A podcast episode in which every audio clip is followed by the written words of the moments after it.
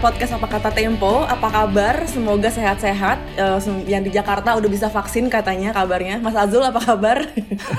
Ketemu lagi Lisa. udah bisa vaksin nih Mas sekarang katanya.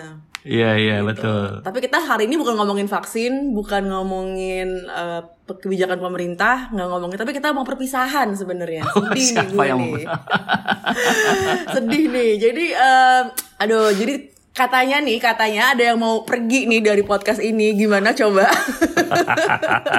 coba diberikan klarifikasinya beneran pergi apa enggak sih Mas Azul dari podcast apa kata Tempo? Aduh ya. Ada ini, ada transisi nih. Jadi kita mau masuk season 2 ya. Eh, ada pergeseran lah sedikit. Eh, jadi nanti akan eh, Lisa akan ditemenin sama pemretnya Tempo.co, Uda Setriasa. Eh, karena saya ada tugas lain. Asik, asik. Mengemban tugas negara nih kayaknya Mas Mengemban tugas negara, tapi tetap di Tempo. Itu Tetap di penting itu Tempo. nanti. Nanti harus jadi di- fitnah harus nih. dikasih klarifikasi ya. Harus dikasih klarifikasi. Bukannya ke istana, fitnah. bukan. Bukan ke istana, bukan Kali dapat komisaris. panggilan gitu kan gara-gara kemarin kita ngomongin apa. Oke oke oke. Jadi, eh, Jadi tetap di memang Tempo. kali ini kita mau eh, say goodbye untuk sementara ke Mas Azul. Mas Azul tetap, tetap akan di Tempo tapi tidak akan mengisi podcast apa kata Tempo lagi. Eh, Jadi udah 80 episode nih ya. Jadi kita mau nostalgia bentar nih Mas Azul nih. 80 Udah lebih nih, Mas. 80 ya, luar biasa ya. Ya, ya, ya, ya. Jadi emang dari sekian banyak episode nih eh, ada lima topik teratas nih Mas Azul yang kita kan mulai tayang akhir 2019 ya. Eh, Lima top episodesnya yang pertama salah kaprah kampus merdeka ala Nadim. Wah ini Oh, benar. Oh, itu rame itu ya. rame ternyata Oh, oke, ngalahin analisa. KPK ngalahin yang lain-lain nih Mas Iya, Menteri. iya betul. Mas Eh, Menteri. lalu kemudian yang kedua cara pengecut berangus kebebasan ini kita waktu itu eh, collab barengan dengan podcast awal minggu. Jadi eh, ini ternyata banyak juga pendengarnya. Eh, Yang ketiga sesat pikir dalam kasus penembakan anggota FPI. Nah itu juga rame juga. Dan yang ke- keempat masih inget nggak nih Mas Azul nih? Siapa bilang Tempo cuma kritik Jokowi? Ini kita bareng sama Mas Robert. Oke, Ya, betul. biasanya kalau Mas Robert lama tuh ya. hampir sebu, hampir sejam loh hampir sejam tuh biasanya kalau Mas Ah, Robert. Mm, mm, panjang Sama yang terakhir salah langkah pemerintah menghadapi Rizik Sihab. Jadi eh, memang yang teratas tuh ternyata topiknya soal pendidikan Mas Azul.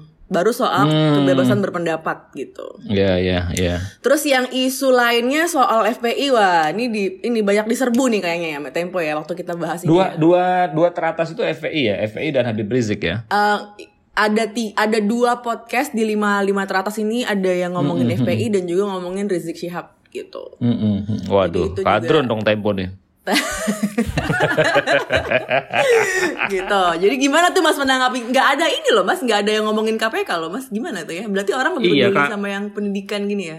Bener, mungkin juga eh, dalam hal podcast kita eh, isu KPK tuh banyak ya, pasti ada di mana-mana dibicarakan gitu. Tapi ada yang spesifik nih, rupanya yang jadi perhatian pendengar podcast apa kata Tempo. Tapi gua agak surprise juga ya, dua di antara lima yang teratas itu kita bicara soal FPI.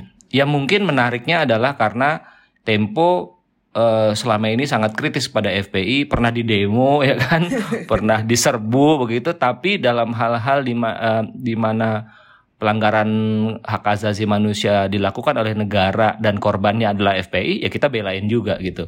Gua rasa itu itu satu sikap yang ya mudah-mudahan ini bisa dibaca sebagai sikap yang disukai ya oleh pendengar podcast apa kata Tempo Lisa. Mas Azul, eh, gimana sih Hmm. eh, dari dulu nih eh, pas di podcast pertama kali kesannya gimana tuh pertama kali kita ngerjain eh, apa kata tempo gitu? Dulu kita kan masih sih. jaim-jaim gitu, Cie.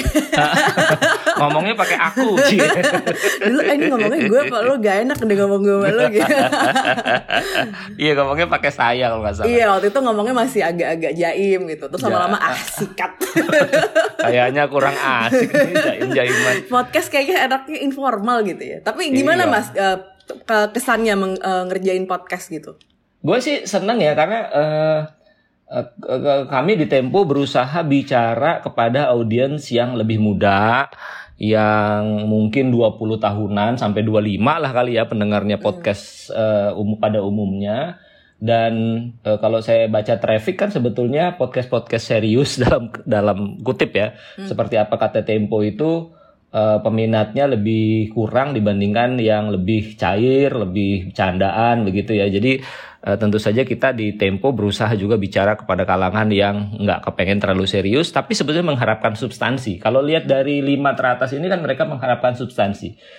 Apa sih yang bisa yang yang yang dikatakan oleh Tempo yang bisa gue tangkep dan barangkali bisa gue komunikasikan dengan orang lain ketika gue ngobrol dengan mereka gitu kan kan mereka tidak terhindar tuh lewat Twitter, Instagram, obrolan di WA group untuk masuk ke dalam isu-isu yang menjadi perhatian yeah. publik pada umumnya ya penembakan anggota FPI mungkin demonstrasi ini penolakan undang-undang dan mereka kan pengen juga kan uh, ada apa fear of missing out gitu kan iya yeah. FOMO FOMO FOMO ada iya, iya. FOMO yang uh, untuk bisa mereka ikut di dalamnya mereka perlu perlu bahan itu analisa gue ya gitu ya jadi gue lihat gue lihat oh uh, ini penting dan dan ya itu tadi memang harus bicara dalam bahasanya anak muda yang satu hal lagi adalah kita nggak boleh mengasumsikan bahwa uh, mereka semua uh, sudah mengerti perihal prinsip-prinsip dasar ini misalnya kayak ya. sejarah yeah. gitu ya kan hmm. kalau mereka lahir tahun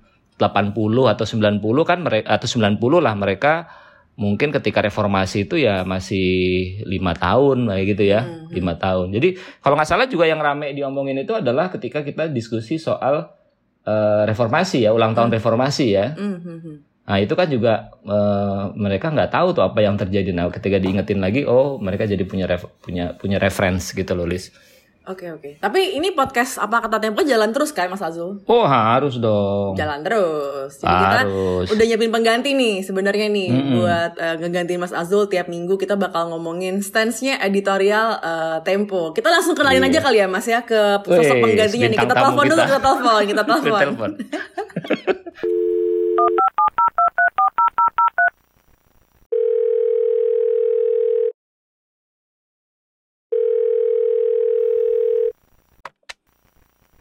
Halo, halo, dengan siapa di sana? Yup, Lisa. Saya gitu. Halo. Jadi biasa lebih enak. Saya Setri, Lisa. Saya. ini dia nih. Udah ada, udah Setri Yasra. Uh, ini pemretnya yes. Tempo.co. Ini kalau di uh, ruangan redaksi katanya dipanggilnya Uda ya, Uda Setri ya. Udah setri. Ya. Ya. Jadi kita beralih dari Jawa ke Sumatera. Baik, kita Sumaterakan podcast apa kata Tempo. ba, ba aku. Setuju, ah, setuju. Ba ako. ini, gitu. ini karena karena saya panggil Uda tuh semula karena suka makan nasi bungkus di kantor. Oh Jadi gitu. kawan-kawan menduga nasi bungkus oh ternyata oh ternyata orang Minang ya. Jadi sejak awal masuk dipanggil Uda. Oke. Okay, Jadi Lisa, Lisa ya. nih dalam hal pengetahuan kuliner Minang, ah hmm. tentu saja Setri ini nggak ada yang ngalahin. Nggak ada yang ngalahin. Meskipun terbaik. ada orang Padang lain di Tempo. Misalnya ya, misalnya apa? Nggak banyak yang sadar bahwa di belakang kantor kami, kira-kira setengah jam perjalanan lah begitu ya, ya. ada satu pojokan tempat makan gulai paku okay. yang enak sekali. emang nah, enak, itu emang kita enak tahu. Okay. itu kita nggak tahu sampai Setri yang temukan. Mas Azul, ini ada tempat gulai paku. Wah, dulu sebelum pandemi nih, berondong-rondong lah kita makan gulai paku yang ternyata enak sekali. Dan yeah. paku itu susah ya Setri ya didapat di Jakarta kan? Betul, susah betul, Mas. Nah, di situ ada itu list. Ya, ya, ya. Oke, oke. Jadi uh, kita bakal tiap minggu nih ngobrol sama uh, Uda Setri gitu ya. Mungkin nanti di tiap episodenya di akhirnya kita ada rekomendasi kuliner Sumatera kayak gitu oh, gitu ya. Banyak.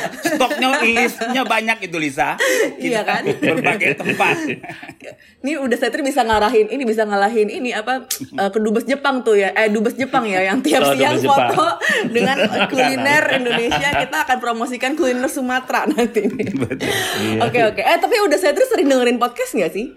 Ya, uh, hmm. jadi gini Lisa, jadi memang saya Pemret Tempo.co, sebelumnya saya wakil Pemret di majalah Tempo bersama hmm. Mas Azul dan podcast ini di bawah Tempo.co. Jadi memang transformasi digital kami hmm. itu ya salah nah, satunya podcast. Jadi ya. dan harus terbiasa mendengarkan. Selain hmm. saya juga sering lihat Lisa dan Azul, wah itu ngapain tuh? Oh podcast Ya, jadi penasaran nyampe udah tayang nanti baru kita dengar oh ternyata membahas itu gitu. Jadi jadi oh, karena yeah, dulu yeah. kita ketika masih masih masuk ke kantor ya kita masih sering lihat tuh di ruang lantai 5 ada Lisa, ada Mas Azul. Ruang podcastnya ini ya, Tempo ya, Iya. studio. Iya. Udah lama nih nggak ke studio nih sejak pandemi Iya, kita Padahal, full. padahal studionya baru. Iya. Udah keren banget tuh studionya. Malah belum Oke. kita pakai. Udah nih nanti di musim kedua barengan undangan Udah Saya Tri apa aja nih yang bakal disampaikan di musim kedua podcast apa kata Tempo? Ya, eh, secara format pasti kita akan melanjutkan yang yang yang sudah ada eh, 80 eh, episode yang sudah dilakukan bersama Mas Azul. Tapi mungkin nanti akan lebih variatif Lisa. Kita akan menceritakan dapur tempo gitu. Jadi jadi Ah, memang kita betul. ingin mendekatkan eh, mendekatkan masalah-masalah yang serius itu kepada Go, kita selalu di tempo aduh ayo dong goyanger gitu. Jadi jadi Apa-apa lebih dekat goyanger? mereka ya men- menyasar pasar anak muda gitu. Oke, Jadi muda. tempo itu ah terlalu serius, ah politik segala macam. Jadi bagaimana hal-hal yang juga penting, hal penting tapi kita sampaikan dengan cara ringan gitu. Jadi Iya. misalnya nih, oh ketika Tempo menulis soal ini itu dari mana sih asalnya? Misalnya kita kita dikejar-kejar orang itu kan itu nggak tahu Ta- ta- dan itu dan itu tidak mungkin kita sampaikan di tulisan Iya, gitu iya. loh. Jadi hal-hal Iya, ringan ini Di rasanya teror, akan menarik. Mah macam-macam. Belakangnya. Ja- jadi Liz, ini kan gue sama Setri ini kan partneran di majalah itu berapa tahun ya Set? Dua, dua tahun lebih ya?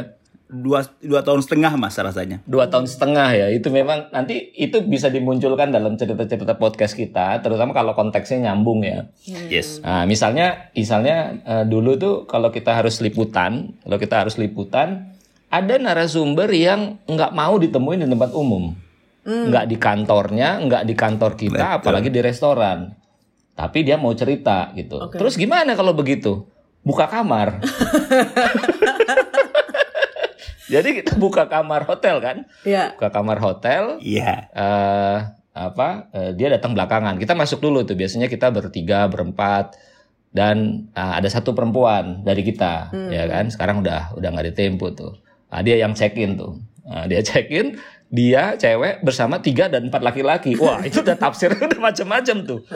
Uh pak ini ini oh iya kami keluarga Ya, nah, gitu. oh iya kami keluarga Ada Dan ad- ada, ada yang lucu? Mas Ada kan? Azul. Hah? Ada yang lucu ketika yang Ah. kita pilih itu hotel syariah. Ditanya tuh nikah. Bener ini. Salah Ditanya pilih lokasi tuh, salah pilih lokasi.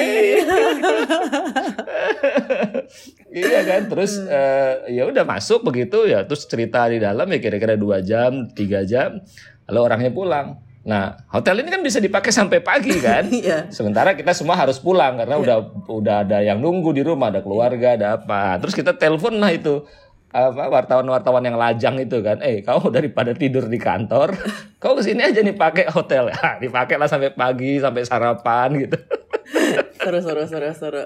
Soalnya emang sayang, soalnya udah dibayar kan, udah dibayar sampai dia. iya dong udah dibayar di depan Iya, kan iya, iya, iya. Gitu. Oke, jadi eh, kita bakal seru nih ya di musim kedua podcast apa kata Tempo Iya. dengan eh, Uda Setri eh, bakal banyak bercanda, eh, tapi tetap senggol-senggol Iya. pemerintah. Jadi Lisa nanti bukan hanya saya Lisa, bukan hanya saya, kita akan lebih ramai, akan berapa orang yang berintens gitu. Jadi mengabarkan kepada para pendengar semua bahwa ini loh, ini si A ini yang yang menjadi menjadi apa komandan dalam perburuan bahan ini gitu. Ini hasilnya Ah, gitu. bisa dilibatkan ya Set Iya. Yes. Jadi Mas. kita akan Ya. banyak dengan apa dengerin ya dari teman-teman redaksi ya, berarti Iya. bakal banyak eh, ada suara-suara baru gitu ya. Iya. Ya, ya.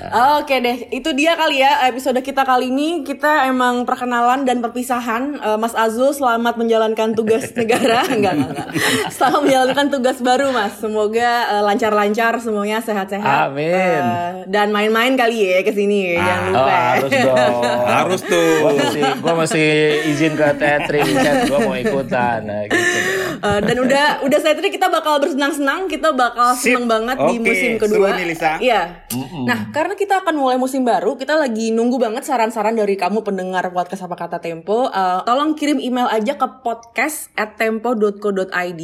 Gue ulang lagi ya, podcast at tempo.co.id. Tulis subjeknya apa kata Tempo. Karena eh, biar ketahuan nih, kita mau khusus ngomongin eh, musim kedua nih ya. Jadi eh, udah kita bakal dengerin ya, kita bakal sortir saran-saran dari um, para pendengar podcast yang udah setia selama satu musim kemarin bersama dengan Mas Azul. Iya. Gitu aja kali ya. Thank you banget Mas Azul. Uh, udah saya Tri, selamat datang Mas Azul. Selamat bertugas dan semua pendengar podcast apa kata Tempo. Sehat-sehat dan jaga diri. Bye bye semuanya. Oh, Oke. Okay.